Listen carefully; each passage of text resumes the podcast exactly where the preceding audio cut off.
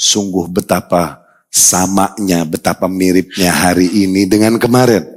Mereka nih para Bani Israel, kita sekarang kelakuan kita sama kayak mereka.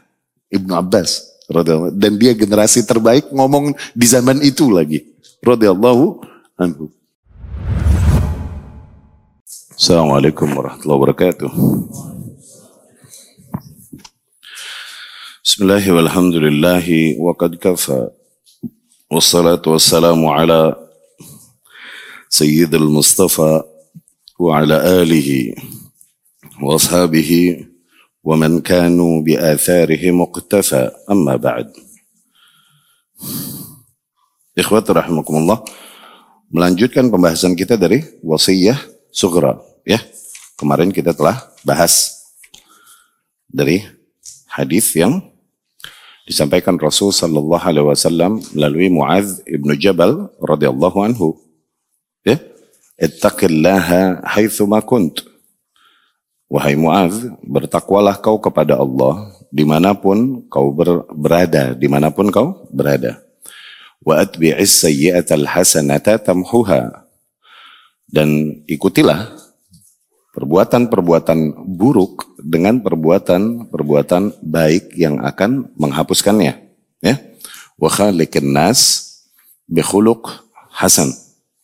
Dan khaliqin nas, yakni treat people, perlakukanlah para manusia dengan perangai yang baik. Ya.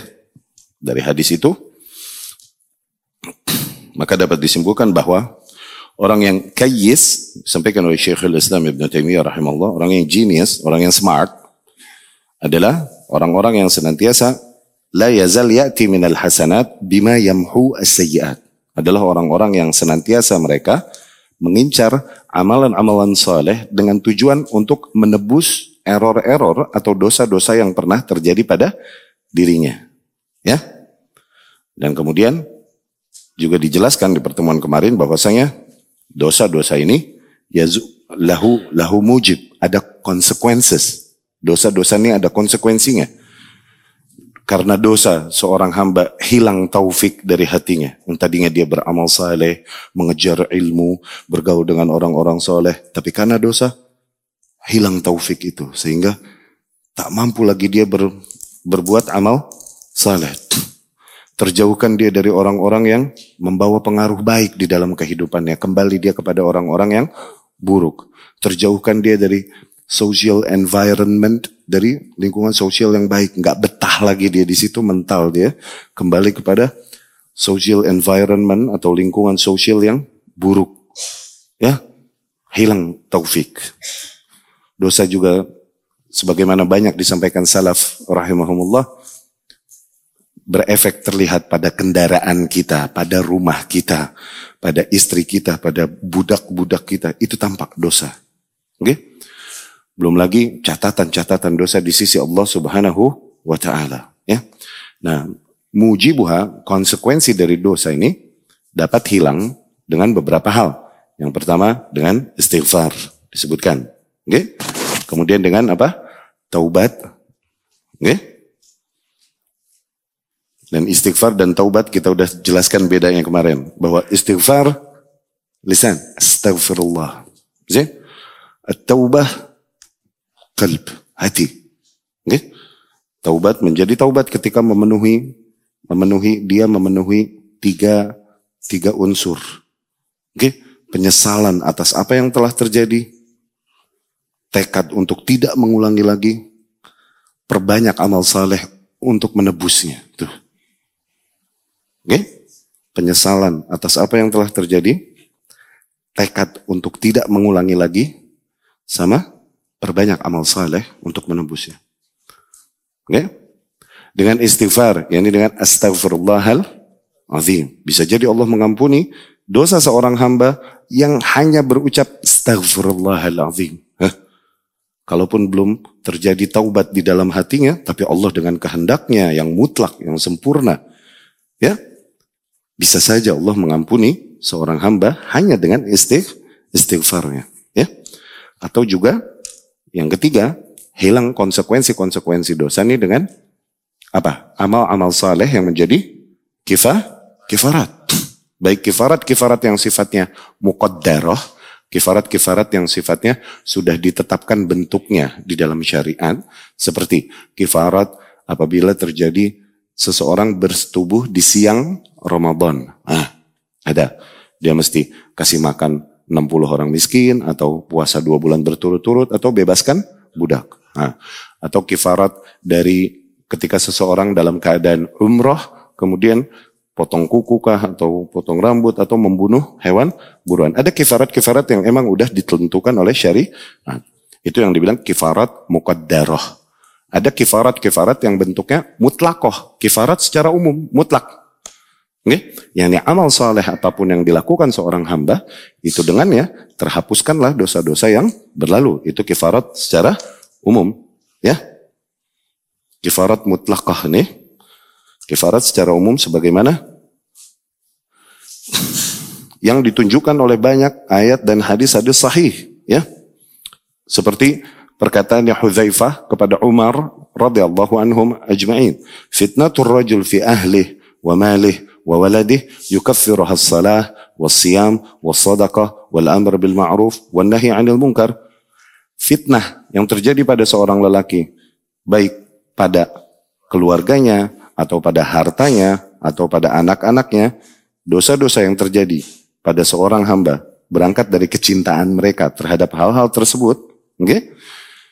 itu terhapuskan. Dengan apa? Dengan seiring sholat-sholat yang dilakukannya, puasa-puasa yang dilakukannya, sodakohnya, amar ma'ruf, nahi mungkarnya, dan lain-lain. Ya. Juga sebagaimana hadis lain seperti yang diriwayatkan dari Utsman bin Affan radhiyallahu anhu, "Man tawadda nahwa wudu'i hadza, ثم يصلي ركعتين لا يحدث نفسه فيها بشيء غفر له ما تقدم من ذنبه." Barang siapa yang berwudu dengan wuduku ini, kemudian dia sholat dua rakaat dan dia khusyuk di dalam sholatnya, maka diampuni dosa-dosanya yang telah berlalu. Oke? Okay? Syuf, lihat. Sholat sunnah, wudu. Sunnah, wudhu. Nah, demikian seorang yang kayis, dia bisa menghimpun banyaknya ibadah dalam satu aktivitas. Jadi habis wudhu nih kalian, oke? Okay? Kemudian azan maghrib, azan maghrib, misal tadi nih, misal azan maghrib, habis wudhu masuk, nah ketika sholat, di, ditambahin niatnya, ini tahiyatul masjidku, ini sunnah wudhuku, tuh. Oke? Okay? Sholat sunnah itu gabung niatnya.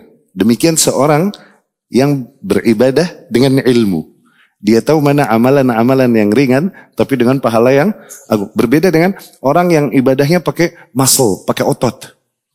Dua rakaat dulu, ini tahiyatul masjid. Dua rakaat lagi, apa ini? Sunnah wudhu. Dua rakaat lagi, apa ini?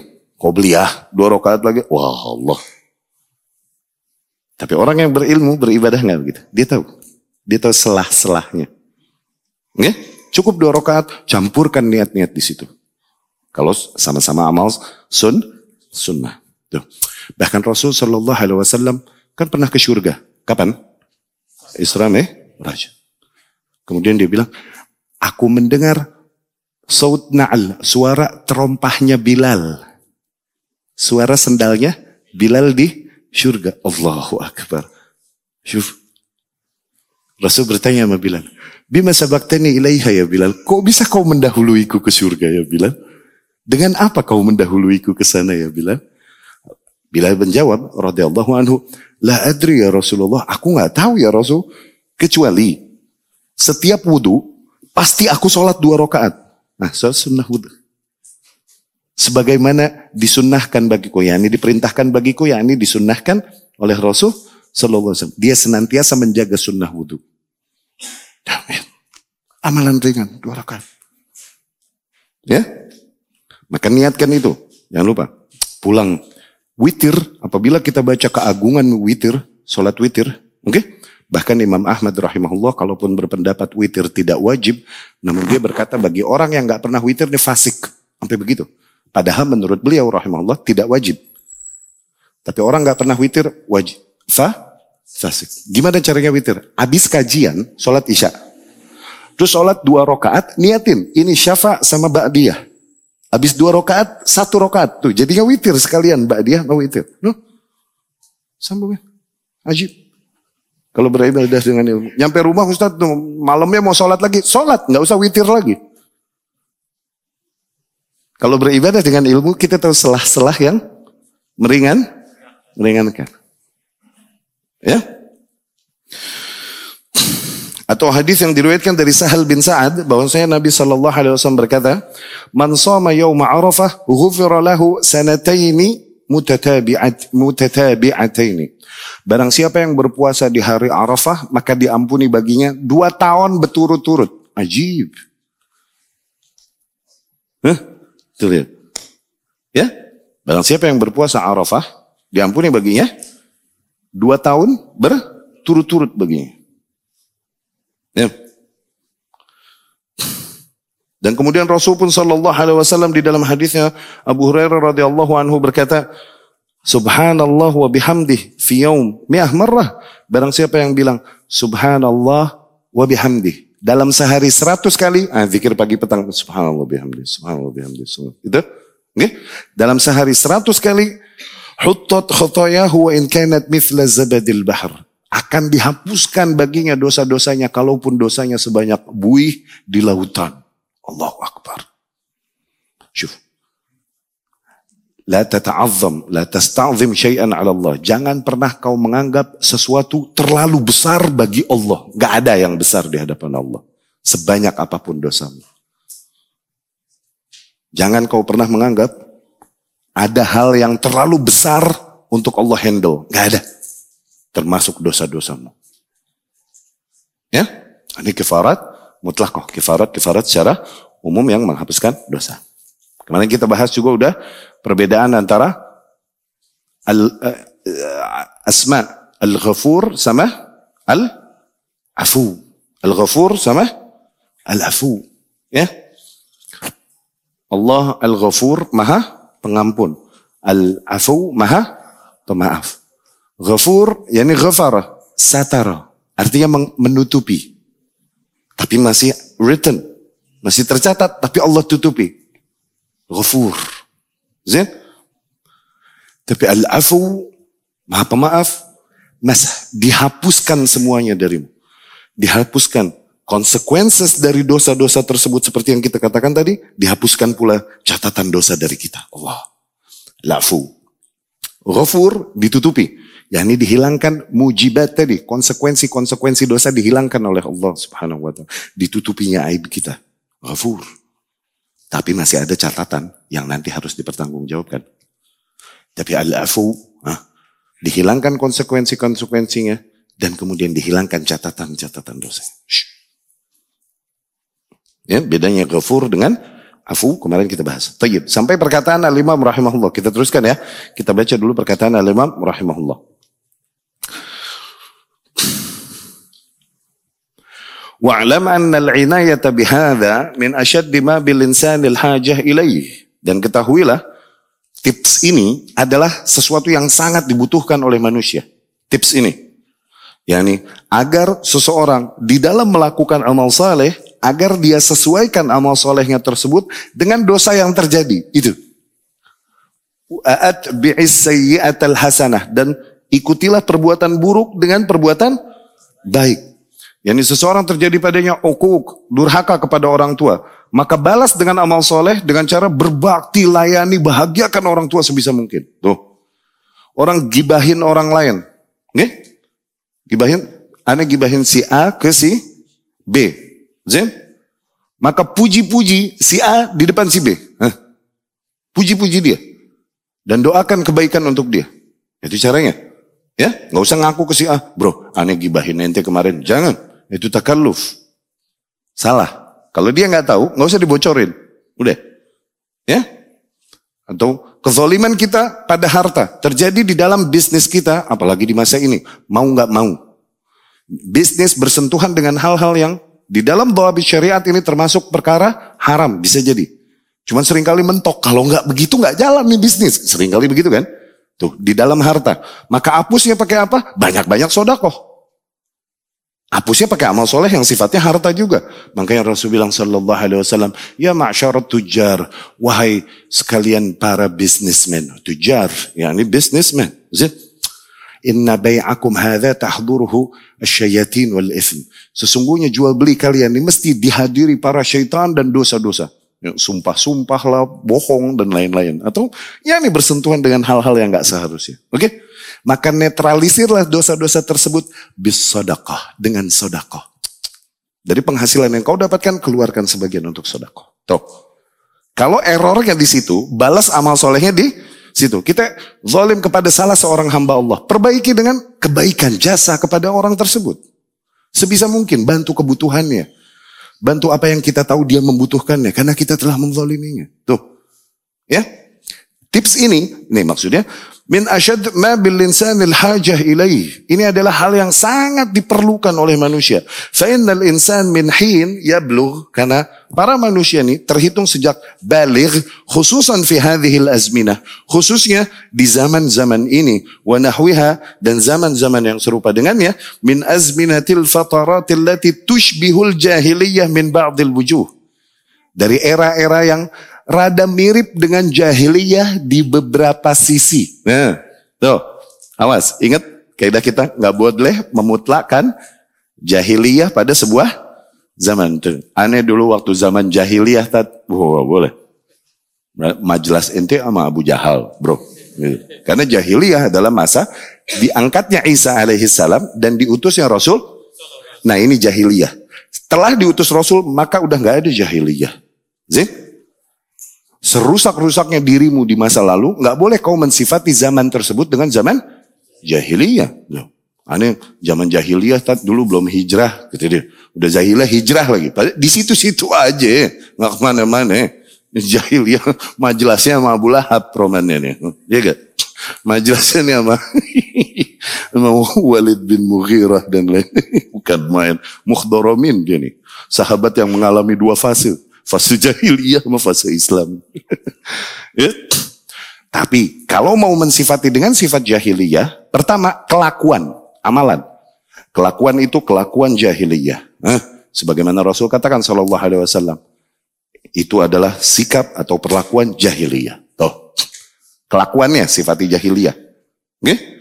Atau sifati sebagian tapi tidak keseluruhan zaman. Seperti yang dikatakan Syekhul Islam.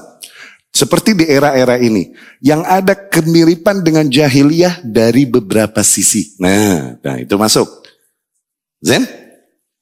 Ya, فإن الإنسان الذي ينشأ بين أهل علم ودين قد يتلطخ من أمور الجاهلية بعدة أشياء فكيف بغير Sesungguhnya seseorang yang dia tumbuh kembang di antara para ahli ilmu dan ahli agama, lingkungan sosialnya nih ahli ilmu dan ahli agama, orang-orang begini aja sering kali terjadi padanya kasus-kasus yang sama seperti kasus-kasus yang terjadi pada kaum jahiliyah terdahulu.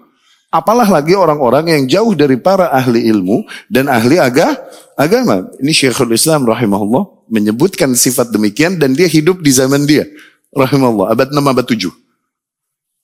Keke kalau bagaimana kalau Ibnu Taimiyah hidupnya di zaman ini? Apa yang terjadi? Rahmahullah. Ya. Wafil sahihain dan di dalam sahihain ani Nabi sallallahu alaihi wasallam. Nanti kita baca dulu matanya ya, nanti kita syarah. Dan di dalam sahihain, yakni sahih Bukhari dan Muslim, dari Nabi sallallahu alaihi wasallam min hadis Abi Sa'id radhiyallahu anhu. Dengan sanadnya dari Abu Sa'id radhiyallahu anhu. Rasul berkata sallallahu alaihi wasallam, "La tattabi'anna sanana man kana qablakum hadzwal qudza bil qudza." Sungguh kalian akan mengikuti tren-tren tuh, kebiasaan-kebiasaan yang berjalan pada kaum-kaum sebelum kalian, selangkah demi selangkah. Tuh. Hatta law dakhalu juhra Sehingga kalaupun mereka punya kebiasaan pada mereka masuk ke lubang biawak, la yang masuk ke lubang biawak ngapain? Nggak ada kerjaan. Akal sehat akan menolong. Tapi kalau itu ada pada kebiasaan mereka, kalian ikut-ikutan juga. La dakhaltumu. Qalu Ya Rasulullah, para sahabat kemudian bertanya, Ya Rasulullah, al Yahud wan Nasara, apakah maksudmu para kaum Yahudi dan Nasrani ya Rasulullah? Qal, faman? Rasul berkata, terus siapa lagi maksudnya? Yani kalian akan mengikuti kebiasaan kaum Yahudi dan Nasrani. Hadza khabar tasdiquhu fi qawlihi ta'ala. Dan kabar ini pembenarannya pembenarannya juga ada di dalam firman Allah Subhanahu wa taala. Fastamta'tum bi khilaqikum kama istamta'a alladziina min qablikum bi khilaqihim wa khudtum kalladzi khadu. Dan kalian telah menikmati jatah yang ada pada kalian kalian kaum munafik wahai kaum munafikin dan kaum musyrikin telah menikmati jatah yang ada bagi kalian dari kenikmatan-kenikmatan duniawi kekuasaan dan lain-lain yang ada pada kalian sebagaimana kaum-kaum terdahulu pun telah menikmati jatah yang telah diberikan kepada mereka wa kalian pun berani berbicara berucap-ucap pada pada orang-orang yang diutus pada kalian, para nabi, para rasul, dan kalian mengingkarinya, mencelanya, memakinya. Kalian berani berucap demikian, sebagaimana kaum terdahulu pun telah melakukannya kepada para nabi dan rasul yang diutus pada mereka. Ya? Walihada syawahid fasihah wal hithan. Ya. Dan keterangan ini banyak dikuatkan juga di dalam hadis-hadis yang sahih dan hasan. Ya. Tayyib. Kita lihat.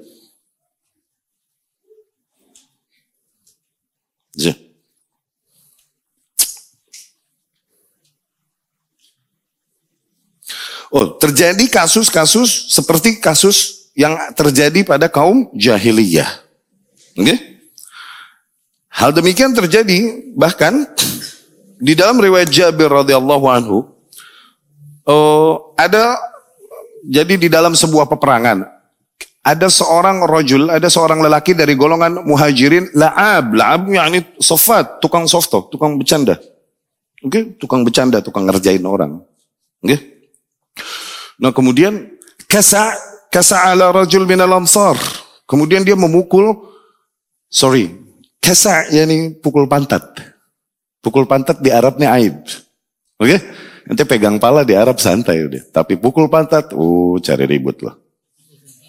Oke. Okay? Kasa ala rajul min al ansar. Ada anak ansor nih dihantam pantatnya sama dia. Bercanda, softo. Gitu itu. Akhirnya yang di ansor marah, nggak terima dia. Ya lah ansor, wahai orang-orang ansor. Wuh, bergerak ansor nih. Ter, yang muhajirin, ya lal muhajirin, wahai orang-orang muhajirin. Wah bergerak tuh dua-duanya. Akhirnya Rasul datang sallallahu alaihi wasallam. Dia ada apa ini? Kok sampai begitu? Akhirnya di, di, diceritakanlah kepada Rasulullah Sallallahu Alaihi Wasallam ini yang terjadi nih. Oke? Seruan kekauman, mau salah mau benar, pokoknya kaum bela kaum, begitu. Oke? Nah ini asabiyah, jahiliyah, asabiyah, jahiliyah ini, rasisme, kekelompokan buta yang datang nilai ini adalah termasuk warisan jah, jahiliyah, asabiyah, jahiliyah. Oke? Okay? Rasul Shallallahu Alaihi Wasallam bilang, da'uha fa innaha muntinah. Tinggalkan sifat seperti itu. Sesungguhnya itu sifat yang busuk. Muntin. Muntin ya ini smells bad. Muntinah, busuk. Eh? Kenapa? Itu di antara, bah, lihat. Kasus demikian bahkan terjadi di generasi terbaik di zaman Rasulullah Shallallahu Alaihi Wasallam terjadi pada para kaum muslimin. Kadang rada condong, kasus-kasus yang terjadi pada mereka mirip dengan apa yang terjadi pada kaum jah, jah keke sekarang. Gimana sekarang? Bagaimana yang terjadi di zaman ini? Iya kan? Syekhul Islam rahimahullah berkata di dalam kitabnya Iqtida As-Sirat Al-Mustaqim. Okay? Di dalam ayat tersebut tadi, fastamta'tum bi khilaqikum kama istamta'a alladziina min qablikum bi khilaqihim wa khudtum kalladzi khadu. Zin? Syekhul Islam rahimahullah di dalam mentafsirkan ayat tersebut berkata, "Jamma' subhanahu bainal istimta' bil khalaq wa bainal khawd." Di ayat tersebut Allah mengumpulkan dua hal. Istimta' bil khalaq, menikmati jatah yang ada dengan khawd, dengan ngomong berlebih, berlebihan. Okay? Lianna fasadad din, karena hakikatnya kerusakan agama, imma ayyaqa bil i'tiqad al batil. Karena apa? Karena kerusakan agama ini terjadi entah berangkat dari keyakinan yang batil, hmm, oke? Okay? Takallum bih dan mengucapkannya au yaqa fil amal al-i'tiqad atau terjadi kerusakan di dalam agama ketika seseorang melakukan sesuatu yang bertentangan dengan akidah yang hak, bertentangan dengan yang dia yakini. Yang dia yakini ini haram tapi dia lakukan, gitu. Oke? Nah, dua error ini terangkum di dalam ayat tersebut. Kata Ibnu Taimiyah rahimahullah. Wal awal dan yang pertama huwal bid'ah. Ini kasus-kasus yang sifatnya bid'ah. Kasus-kasus yang bid'ah sifatnya bid'ah nahwiha dan serupa dengannya. Wathani dan kasus yang kedua fisqul a'mal, amalan-amalan yang fasik. Nih, dan dan hal-hal yang serupa dengannya. Wal awal dan yang pertama min jihati syubhat. Yang pertama terjadi berangkat dari syubhat. Ya. Wathani min jihati syahwat. Adapun error yang kedua ini lebih terjadi dari syahwat manusia. Ya. Walihada kana salaf yaqulun. Maka dari situlah para salaf dulu berkata, Yahdharu minan nas sinfain. Hati-hatilah dua tipe manusia. Sahib hawan qad fatanahu hawa, pengekor hawa nafsu yang telah terfitnah oleh hawa nafsunya, wasahib dunia a'madhu dunia. Dan pengekor dunia yang di mana dunia telah membutakannya. Ya?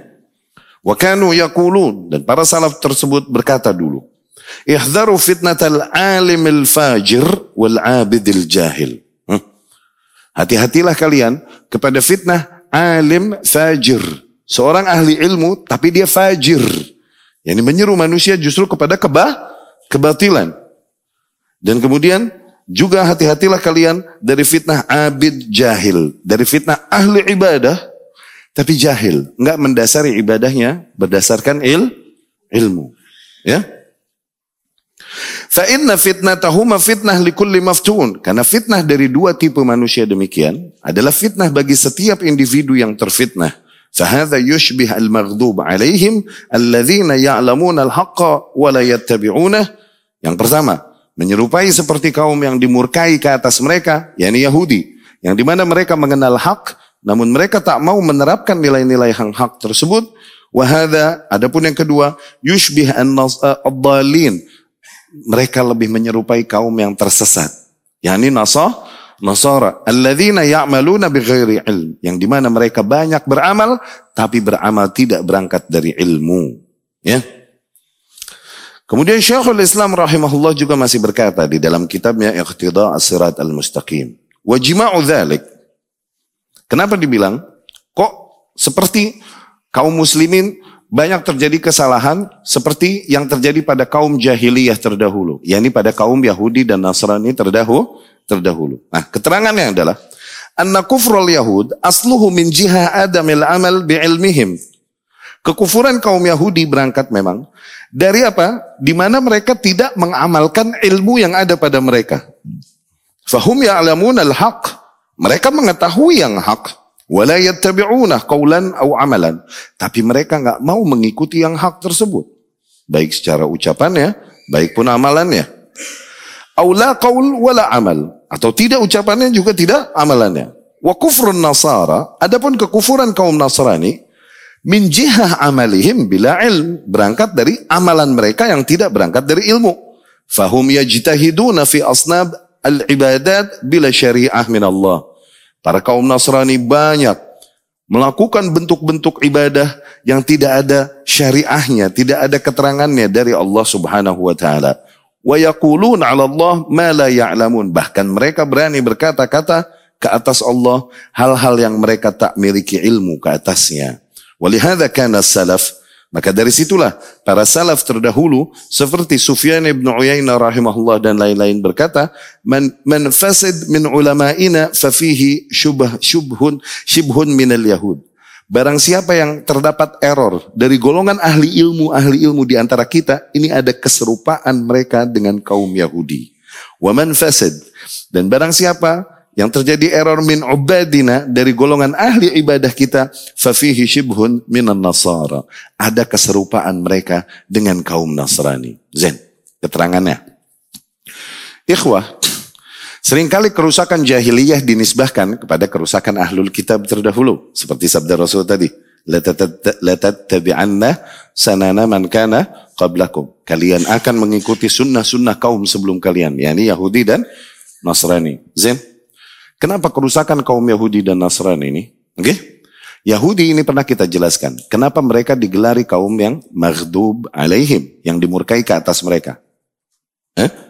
Mereka adalah kaum yang Allah turunkan banyak ilmu kepada mereka. Allah utus banyak nabi dan rasul, abisnya nih di Yahudi udah. Okay? Yang ngabisin jatah nabi dan rasul buat muka bumi nih kaum Yahudi. Turunnya di situ semua. Nggak pernah kosong satu zaman dari nabi atau roh. So bisa jadi satu zaman ada dua. Kaum Yahudi nih. Okay? Sehingga bocoran langit mereka dapat banyak dari wahyu. Mereka banyak mengetahui hal-hal yang nggak diketahui kaum yang lain. Di antaranya mereka juga mengetahui bahwa akan munculnya Nabi akhir zaman dan akan muncul di Yathrib, di Madinah. Okay? Mereka tahu karena tidaklah seorang Nabi pun datang kecuali pasti memperingatkan akan munculnya Muhammad Sallallahu Alaihi Wasallam. Mereka tahu itu. Ya, dari situ mereka eksodus sehingga ketika Rasul di Madinah udah banyak Yahudi di sana. Nah, mereka eksodus karena menyangka Nabi akhir zaman akan muncul dari keturunan mereka seperti biasanya, seperti sebelum sebelumnya. Ternyata benar muncul di Madinah. Tapi dari garisnya Ismail alaihis salam. Daripada mesti beriman sama yang dari beda garis, mendingan pilih kufur dan mengingkari ilmu yang telah mereka ketahui sejak lama. Itu Yahudi. Okay? Diturunkan kepada mereka banyak ilmu. Dan diturunkan kepada mereka ahli ilmu, ahli ilmu dan para nabi dan rasul. Mereka ingkari, mereka ingkari, mereka ledekin, mereka ledekin, mereka celah, mereka sakiti. Terus. Dan demikianlah hati. Ketika kau manjakan dengan pengingkaran dan kezaliman, dia akan minta dosis terus. Sampai mereka bertanya satu sama lain, apa lagi yang belum kita lakukan kepada para nabi dan rasul ini ya? Syaitan di situ datang, tanggung bro, bunuh. Bentuk kekufuran apa lagi yang lebih konkret daripada ngebunuh orang yang Allah utus. Akhirnya wakanu yaqtuluna al-anbiya'a bighairil haq. Jadilah mereka kaum yang biasa membunuhi para nabi tanpa hak. Okay? Pada Taurat semuanya ada pada mereka. Ilmu ada pada mereka, cuman ilmu ini nggak mendorong mereka kepada amah amalan. Tuh, ilmu kental pada Yahudi, tapi nggak ada amalan. Kaum buhat, kaum yang suka berdusta. Abdullah bin Salam radhiyallahu anhu, sahabat Rasul sallallahu alaihi wasallam, dulu adalah pendeta, ulama di antara ulama-ulama Yahudi. Ketika Rasulullah sallallahu alaihi wasallam datang ke Madinah hijrah, ya. Dia melihat wajah Rasul sallallahu alaihi wasallam langsung dia berkata, "Ammal wajh falaysa biwajhi kadzib." Wajah ini bukan wajah pendusta. Langsung tahu dia. Nggih? Wajahnya ini bukan wajah tukang harat Hmm, enggak, ini bang saya enggak harap. Ini orang, ini orang jujur. Okay? Kemudian ada kesempatan Abdullah bin Salam bertanya kepada Rasul Sallallahu Alaihi Wasallam. Ingat, dia tokoh Yahudi dan pendeta, ulamanya Yahudi. Ya Muhammad, inni sa'iluka asya la ya'lamu jawabaha illa Allah. Eh, illa illa Nabi. Wahai, wahai Muhammad, aku akan bertanya kepadamu beberapa hal yang tidaklah mengetahui jawabannya kecuali seorang Nabi. Uh, lihat, saking jeniusnya nih kaum bro, dia tahu cara ngecek nih nabi ori apa kagak. Lu cari kaum kayak gitu. Dia tahu nih cara ngecek nih nabi ori apa kagak, dia tahu. Sejenius itu tuh kaum bro. Kebayang nggak? Ah, Zen, tanya. Ditanyalah kepada Rasul beberapa hal. Ma'awal ta'am ya'kuluhu ahlul jannah. Snack pertama penduduk surga apa? Iseng gila nanyanya. Iseng kan, snack surga no apa? Iya kan? Ma balul walad yang za'li abi oleh ummi. Kapan baby yang lahir nih jadi baby girl atau baby boy? Kapan bayi yang lahir nih jadi lelaki atau perempuan? Terus pertanyaan-pertanyaan lain. Oke? Okay? Deh. Rasul pun menjawab, Akhbarani Jibril anifan. Barusan Jibril menghabarkan kepadaku. Allah. Berarti Jibril turun mewahyukannya kepada Rasul. Sallallahu alaihi wasallam. Abdullah bin Salam langsung bilang, "Dzaka aduwul yahud minal malaikah." Oh Jibril, itu malaik musuhnya orang-orang Yahudi dari golongan malaikat. Enggak nanggung, Bro. Yang dimusuhin malaikat. Kurang ajar. Mereka ini dua kutub kan Yahudi sama Nasrani. Yahudi ini orang-orang soleh atau makhluk-makhluk soleh disakiti, dimusuhi, diingkari, dijelekin. Wah di, dizolimi. Zen termasuk para nabi dibunuhin. Jibril dimusuhin. No. Iya gak? Nasoro memuliakan. Orang-orang soleh, nabi-nabi dimuliain, dimuliain, dimuliain. Disembah. Jibril disembah. Roh Kudus. Holy Ghost itu Jibril ini dua kutub ngaco. Yang satu dimurkai ke atas mereka, yang satu lost, tersesat. Itu maghdub alaihim walad dalin itu itu, dua, dua kutub itu. Eh, akhbarani Jibril anifan.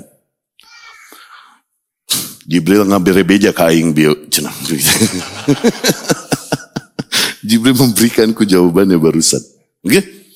Oh, itu musuhnya orang-orang Yahudi dari golongan malaikat. Syuf, Pertama snack penduduk surga, ziyadah kabid hud. Ati ikan paus. Ati ikan paus. Kemudian kapan baby yang lahir nih jadi laki atau perempuan? Idza sabaqa ma'ur rajul atau ghalaba ma'ur rajul ma'al mar'ah azkaru biiznillah. Apabila airnya lelaki lebih dominan daripada airnya wanita, jadi lelaki yang dilahirkan biiznillah tetap dengan izin Allah. Idza ghalaba ma'ul mar'ah ala ma'ir rajul apabila airnya wanita lebih dominan daripada airnya lelaki anasa biiznillah. Jadilah bayi wanita dengan izin tetap dengan izin Allah ujungnya ini cuma sebab doang gitu loh. Iya kan? Dan ini mukjizat scientist. Siapa yang tahu dulu baru sekarang kita kromosom X lebih dominan daripada Y yang lahir X. Begitu kan? Baru sekarang kita tahu. Rasul udah tahu duluan. Sallallahu alaihi wasallam. Iya kan? Iya gak? Kromosom bahasanya XY kan bukan AB. Betul kan? Ntar gue salah lagi nih. Mana so tahu nih Ustaz. Iya kan? Walhasil kejawab semua. Oh akhirnya dia berkata. Asyhadu an la ilaha illallah wa asyhadu anna Muhammad Rasulullah. Syuf. Langsung dia bersaksi di tempat Abdullah bin Salam. Dia pencari kebenaran memang. Zed? Tapi dia bilang kepada Rasulullah SAW, Ya Rasulullah, Innal Yahud kaum buhat. Yahudi ini kaum yang tukang tukang dusta, tukang ngeles. Okay? Jangan kau kabarkan pada mereka aku telah berislam. Jangan. Tanyakan dulu kepada mereka bagaimana aku di antara mereka. Oh begitu ya? Iya. Zen. Akhirnya Rasul menghampiri orang Yahudi dan berkata, Ya ma'syarul Yahud, kaifa Abdullah ibn Salam fikum? Bagaimana Abdullah ibn Salam pada kalian? Orang-orang Yahudi tersebut menjawab, Huwa khairuna ibnu khairina, a'lamuna ibnu a'lamina. Dia the best of us, son of the best of us. Ya.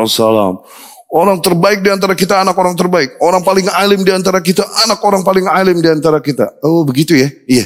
Masuk Islam deh. Abdullah ibn Salam udah masuk Islam no. Udah ber... Hmm. Kata orang Yahudi, syuf syuf. Jawabannya apa? A'adzahullahu min dhalik. Semoga Allah melindungi Abdullah ibn Salam dari Islam. Begitu loh. Begitu loh Yahudi bro. Beneran udah masuk Islam. Azallahu min dhalik. Semoga Allah melindungi dia darinya. Begitu loh.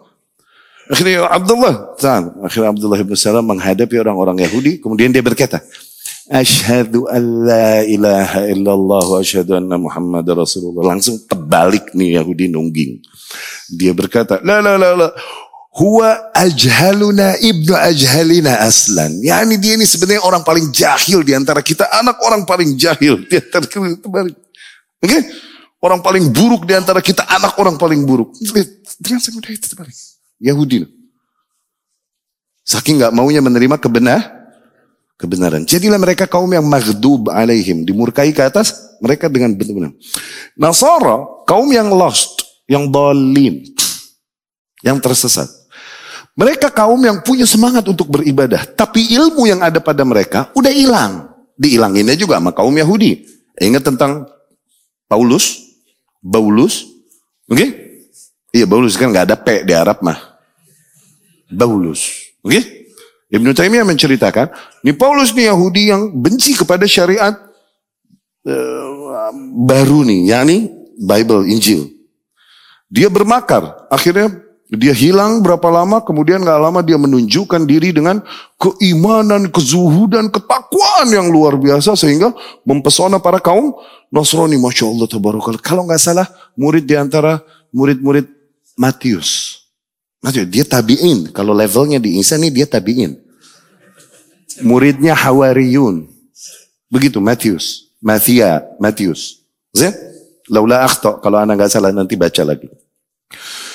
Akhirnya dia menunjukkan, Masya Allah, tabarakallah. Akhirnya jadi bahan omongan, oh Masya Allah, tabarakallah, tau gak si Paulus dulu gini. Gitu.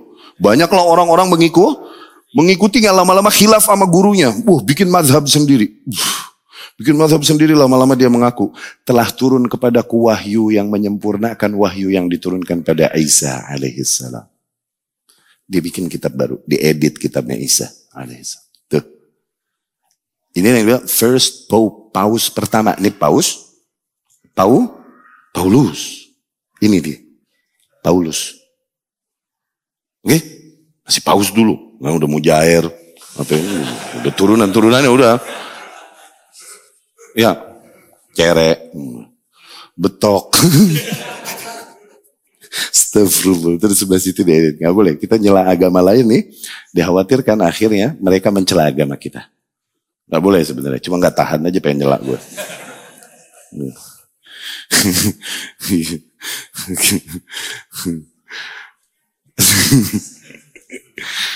Kulihal lost lah mereka. Ilmu yang ada pada mereka hi, hilang. Tapi semangat beribadah luar biasa. Akhirnya mereka bikin inovasi-inovasi, improvisasi ibadah yang ada ada.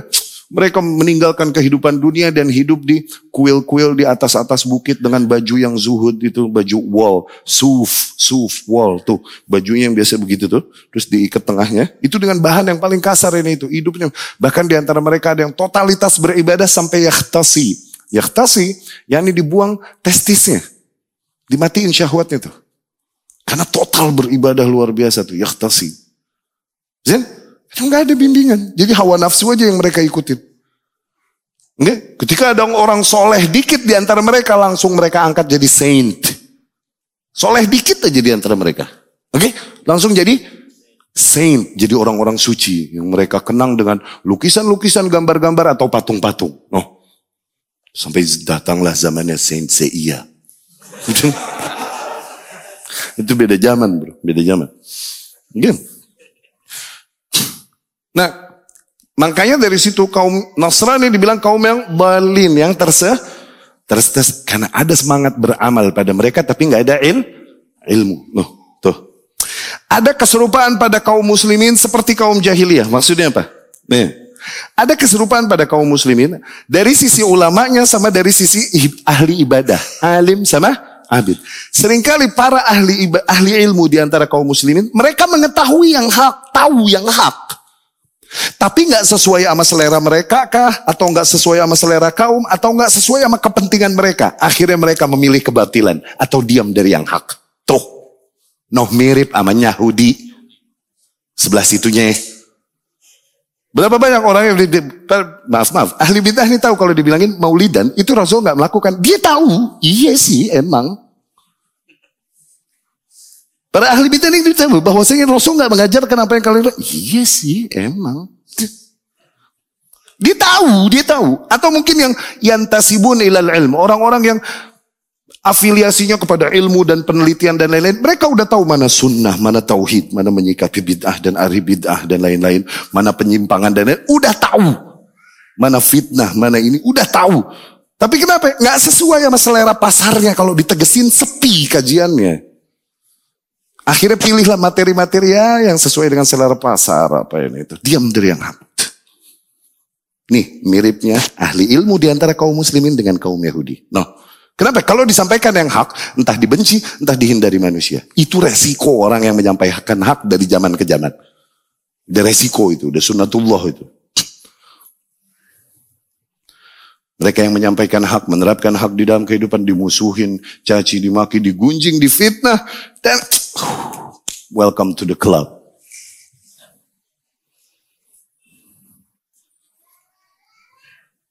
No itu maksudnya ada kemiripan di antara kaum muslimin dengan kaum jah Hiliyat dari sebelah situ. Para ulamanya ke sono.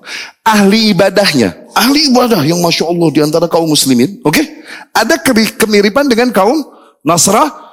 yakni di mana mereka banyak melakukan ibadah-ibadah. Tapi dari hawa nafsunya. nggak dari ilmu. Mereka nggak tahu apakah Rasul nyontohin ini apa enggak. Pokoknya hawa nafsunya membuat dia melakukan. Tuh. Mereka banyak lakukan pokoknya ibadah. Mau diajarin Rasul mau enggak, pokoknya ibadah. Tuh, nih ahli ibadah. Serupa dengan error yang ada pada kaum Nasrah. Nih, no, patternnya sama. Terjadi pada kaum muslimin. Ini perealisasian sabda Rasul sallallahu alaihi wasallam. La tattabi'anna sanana man kana qablakum. Kalian akan ikutin kebiasaan-kebiasaan kaum terdahulu sebelum kalian. Hadzwal kudzah bil kudzah, hadzwan na'al bin na'al selempar batu demi selempar batu atau selangkah demi selangkah.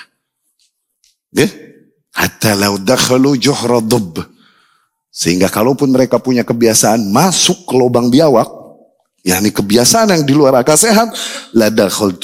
Kalian akan ikut-ikutan juga.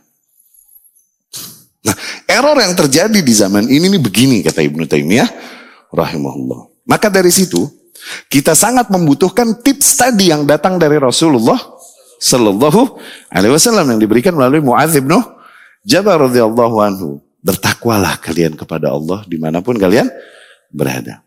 Dan ikutilah perbuatan buruk dengan perbuatan baik yang akan menghapuskannya dan perlakukanlah manusia dengan perlakuan yang baik. Oke? Kita baca lagi. Wa hadha amrun qad yasri المنتسبين إلى الدين من الخاصة كما قال غير واحد من السلف منهم min as-salaf. Kasus demikian bahkan terjadi pada orang-orang yang terlihat seolah-olah mereka orang yang sangat religius, orang yang sangat berafiliasi kepada agama.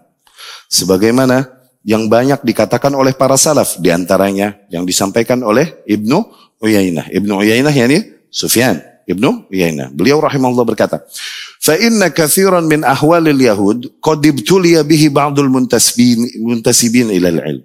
Sesungguhnya banyak kebiasaan-kebiasaan kaum Yahudi yang akhirnya menular yakni terkena juga kepada sebagian orang-orang yang berafiliasi kepada keilmuan di antara kaum muslimin, yakni para ahli ilmu di antara kaum muslimin.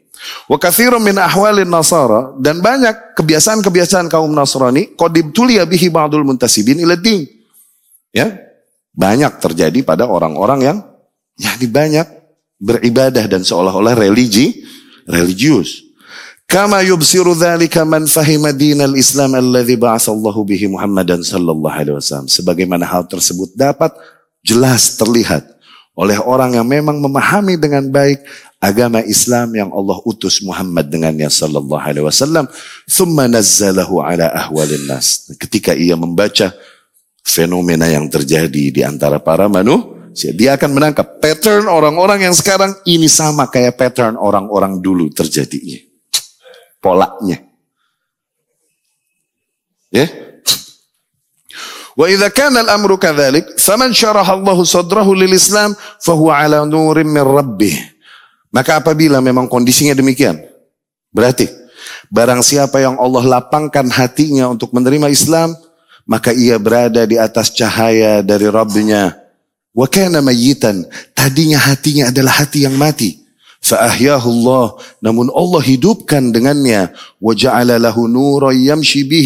Dan Allah jadikan bagi hatinya cahaya yang dengannya ia berjalan finnas di antara para manusia.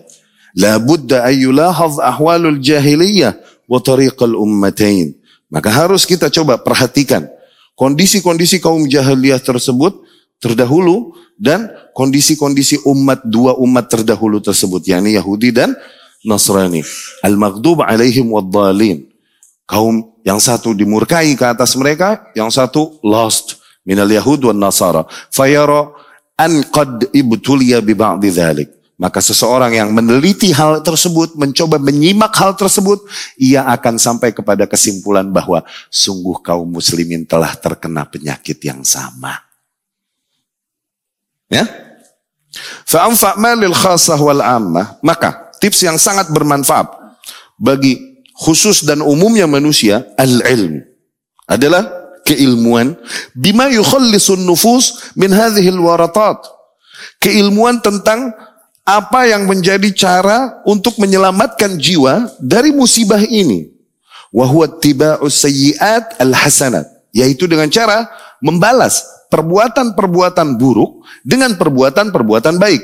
Wal hasanat dan perbuatan-perbuatan baik mana daballahu ilaihi ala lisani khatamin nabiyyin adalah apa-apa yang Allah dorong okay, kepada amalan-amalan tersebut melalui lisan Nabi penutup, yakni Muhammad sallallahu alaihi wasallam. Minal a'mal baik bentuknya amalan-amalan, wal akhlaq baik bentuknya perangai-perangai, was sifat baik bentuknya sifat-sifat. Ya. Zin. Nah, tadi ketika kita hubungkan, akhirnya terjadilah dosa pada kita. Seorang ahli ilmu sering kali akhirnya berat dia untuk menerapkan nilai-nilai keilmuan yang telah dipelajari ketika menghadapi kondisi fitnah zaman. Berat kan? Oke, okay? terjadilah error padanya. Seorang ahli ibadah sering kali berangkat dari kejahilannya dia, oke? Okay? Tapi pengen ibadah, akhirnya banyak melakukan ibadah-ibadah yang tidak disyariatkan oleh Allah Subhanahu wa taala. Oke? Okay? Tapi bagi mereka yang mencari jalan keselamatan, mereka menerima kekurangan ini. Mereka terima bahwa oh iya aku salah, terjadi error padaku. Hah? Sehingga dia membutuhkan cara untuk bagaimana menetralisir atau menyeimbangi dosa-dosa yang telah terjadi padanya tadi ini. Ya, nah tipsnya itu. Agar seseorang tahu bagaimana ia menghapus dosa-dosa yang terdahulu. Yaitu dengan cara memperbanyak amalan-amalan saleh yang ditekadkan untuk menghapuskan dosa-dosa terdahulu terdahulu. Ya, itu wa'ad bi'is sayyiatan hasanah. Tayyib. Dan hasanah, yang dibilang hasanah, yang dibilang amal soleh, adalah apa-apa yang Allah subhanahu wa ta'ala ajarkan, anjurkan. Dan syariatkan melalui Muhammad sallallahu alaihi wasallam. Sayyi'ah, perbuatan buruk adalah apa-apa yang Allah ingkari. Awas. Apa-apa yang Allah ingkari. Demikian makna ma'ruf dan mungkar. Makna ma'ruf dan mungkar. Ma'ruf apa? Definisinya, ma'arrafahu asyara. Ma'ruf adalah apa-apa yang dinilai ma'ruf oleh syariat. Patokannya syariat ya. Mungkar apa? Ma'angkarahu asyara. Apa-apa yang emang diingkarin oleh syariat. Disalahkan oleh syariat. Jadi patokannya kepada syari syariat. Bukan selera. Awas. Bukan selera kaum atau urf kaum yang berbeda satu sama lain. Ya. Wa atbi'is sayyi'atan hasanah. Di antara asar-asar yang disampaikan di sini.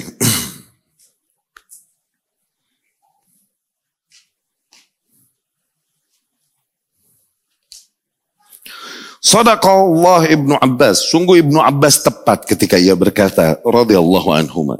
Ketika beliau berkata, "Ma ashbahal lailata bil bariyah, haula banu Israel syabbahna bihim." Ibnu Abbas bilang gitu radhiyallahu anhu. Sungguh betapa samanya, betapa miripnya hari ini dengan kemarin. Mereka nih para Bani Israel, kita sekarang kelakuan kita sama kayak mereka. Ibnu Abbas dan dia generasi terbaik ngomong di zaman itu lagi. Radhiyallahu anhu.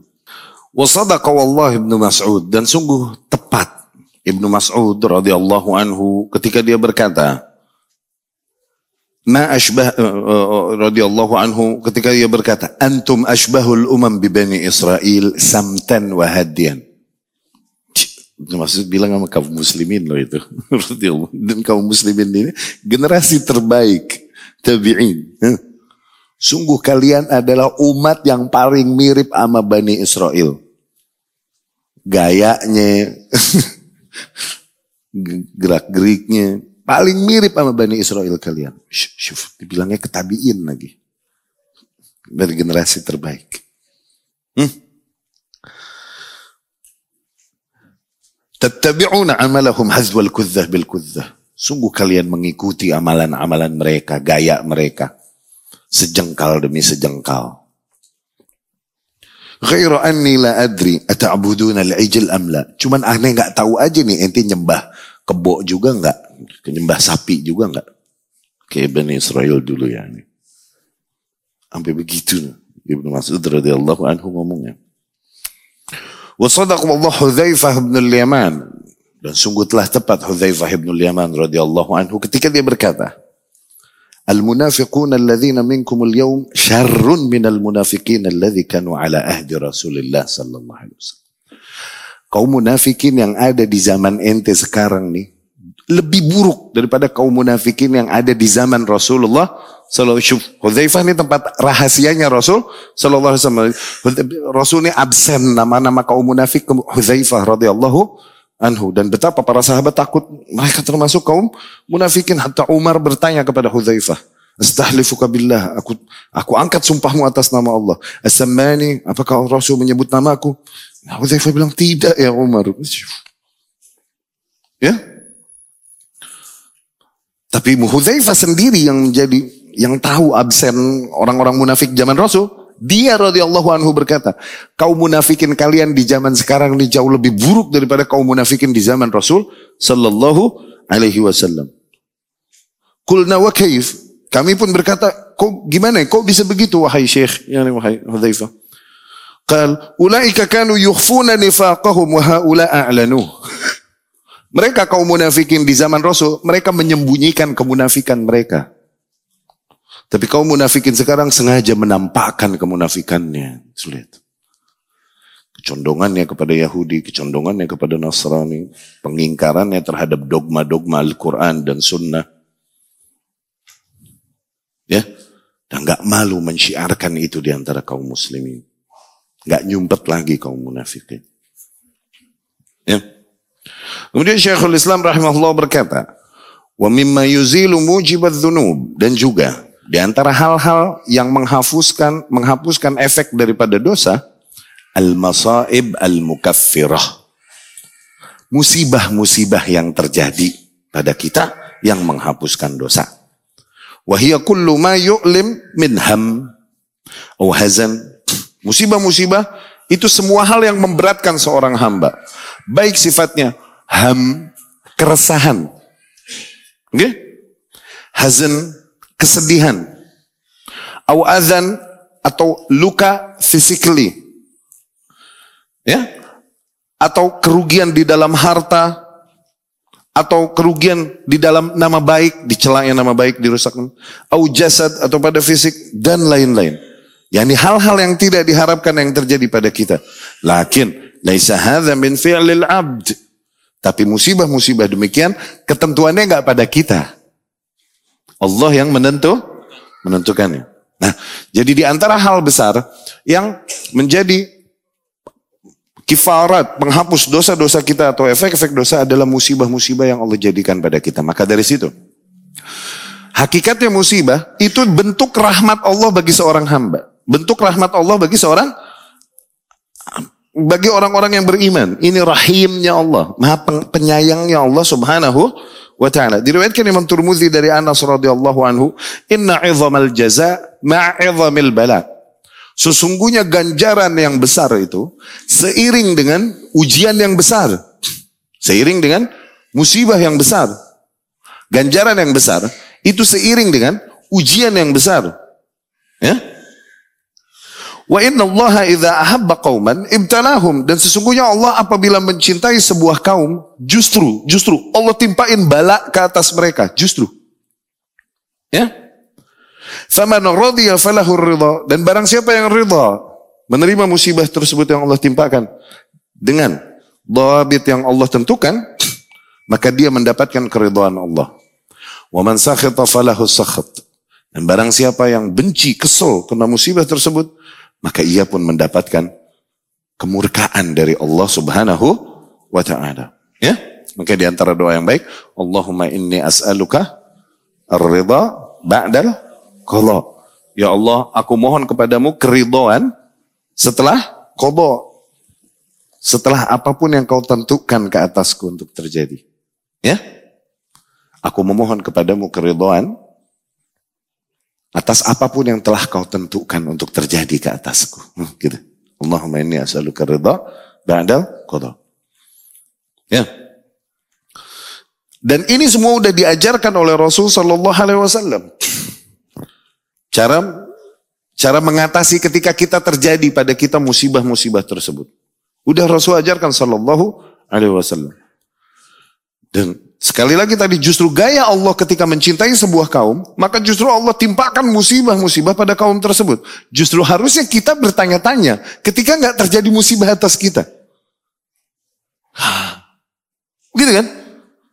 Bahkan asyaddun nasi balaan ketika ditanya Rasul ya Rasulullah man asyaddun nasi balaan ya Rasulullah siapa manusia-manusia yang paling ripuh hirupna gitu yang paling ribet musibah-musibah yang menimpa hidupnya apa Rasul bilang kafir Fir'aun Abu Lahab enggak Rasul bilang al-anbiya justru para nabi Allah orang-orang paling dekat thummal amsal fal amsal Makin tinggi keimanan seseorang mendekati keimanan para nabi, makin berat musibah yang ditimpakan padanya. Yubtala al-mar'u ala hasabi dini. Diuji seorang hamba sesuai dengan kekuatan beragamanya. In kanat fi dinihi sallabah zid fil bala. Apabila tampak ada kekuatan di dalam beragamanya, ditambahin balanya. Wa in kanat fi dinihi riqqah. Tapi kelihatan, ternyata agamanya empuk nih. Eh? Yubtalal mar'u ala hasabi ini. Sesuai, seseorang akan diuji sesuai dengan kekuatan beraga, beragamanya. Hakikatnya, la yukallifullahu nafsan illa usah. Makanya jangan blok. Kalau bahasa saudara kita nih, mental block. Oke? Ketika terjadi musibah padamu, jangan kau blok mentalmu. Aduh, gue sih udah gak kuat deh. Gue orangnya emang begini, gak bisa gue mengatasi itu. Itu kau mematikan potensi yang ada pada dirimu. Itu mental block. Ketika itu terjadi padamu, berarti Allah Maha tahu itu tidak di luar kemampuanmu. Karena la yukallifullah nafsan illa usaha. Nggak boleh nyerah duluan dan mendogma hati kita dengan lidah kita bahwasanya kita lemah dan nggak mampu mengatakan, udah udah gue nggak tahan lagi, udah yang kayak begini sih, udah deh, udah deh, kelar deh, udah deh.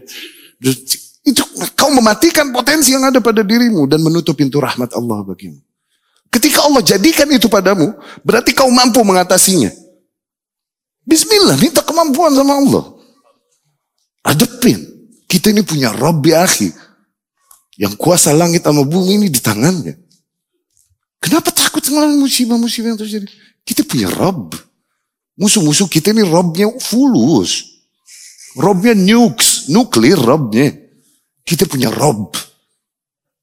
Yang kuasa langit sama bumi ini di tangan dia. Kenapa kita takut? Hadapi apa pun yang terjadi. Kaum musyrik ini Robnya kuburan. Rob kita yang di atas arsh. Yang ngatur hujan sama panas. Kenapa takut? Hadapi. Jangan kau matikan mentalmu dengan kata-kata demikian. Ya? Yubtala al-mar'u ala hasabitini. Daham, hazan, kesedihan dan keresah, keresahan. Diajarkan doanya oleh Rasul sallallahu alaihi wasallam. Allahumma inni a'udzubika minal hammi wal hazan. Ya Allah, aku berlindung kepadamu dari keresahan, anxieties, hazan, dari sadness. Okay? Ham, ham, keresahan hati akan apa-apa yang akan terjadi di masa yang akan datang. Hazan, kesedihan hati atas apa-apa yang telah terjadi. Nah itu, ke depan sama ke belakang. Sumber penyakit jiwa cuman itu. Kalau nggak ke depan, ke belakang. Orang jadi gila kenapa? Ketakutan ke depan atau nggak terima yang terjadi pada dia di belakang. Begitu kan? Iya kan? Begitu kan? Ke depan. Ham, humum, anxieties. Hazan, ke belakang. Ini beresnya apa? Tauhid, akidah. Apa pun yang akan terjadi ke depan, tawakal. Uh. Tauhidnya kencengin, tawakal kencengin. Apa pun yang terjadi, bismillah. Itu tenang hidup, stop man. Hazan ke belakang, beriman sama kodar. Sabar terima apa pun yang Allah telah takdirkan ke atas kita. Kalaupun gak sesuai dengan selera kita. Tuh, Allah tahu apa yang terbaik untuk kita. Allahumma inni a'udzubika minal hammi wal wa a'udzubika minal ajiz wal kasal wa a'udzubika minal bukhl wa a'udzubika min ghalabati ad-daini wa qahrir rijal. Ya? Nah musibah-musibah ini semua terjadi kepada kita, hakikatnya. Berangkat dari apa? Bagi orang yang beriman, musibah-musibah itu adalah bentuk rahmat Allah subhanahu wa ta'ala padanya. Sekali lagi, maka jangan kau berkecil hati dengan musibah yang terjadi padamu. Justru berbesar hatilah. Karena itu di antara bentuk cinta Allah. Syuf, la yazalu yabtali yazal la yazal abd. Bisa jadi seorang hamba yabtalihillah. Allah terus timpakan musibah demi musibah demi musibah padanya hatta yamshiya ala wajhil hard wa laysat alaihi khati'ah. Sehingga bisa jadi nih seseorang dia masih berjalan di atas muka bumi, yang living person, orang masih hidup, oke? Okay? Tapi catatan dosanya udah bersih, sih, sih, sih. Kenapa? Allah timpain musibah terus. Setelah kita ketahui ini semua, lalu apalah lagi yang kita sedihkan dari ujian-ujian kehidupan ini? Iya gak? Ini aneh ngomong gini bukan lagi nasihatin ente, lagi nasihatin diri aneh juga ini. ini nasihat buat gue juga ini. Apalagi yang kita khawatirkan? What to worry about? Kalau kita tahu hakikatnya, dia oh begini ternyata. Alhamdulillah. Ya enggak?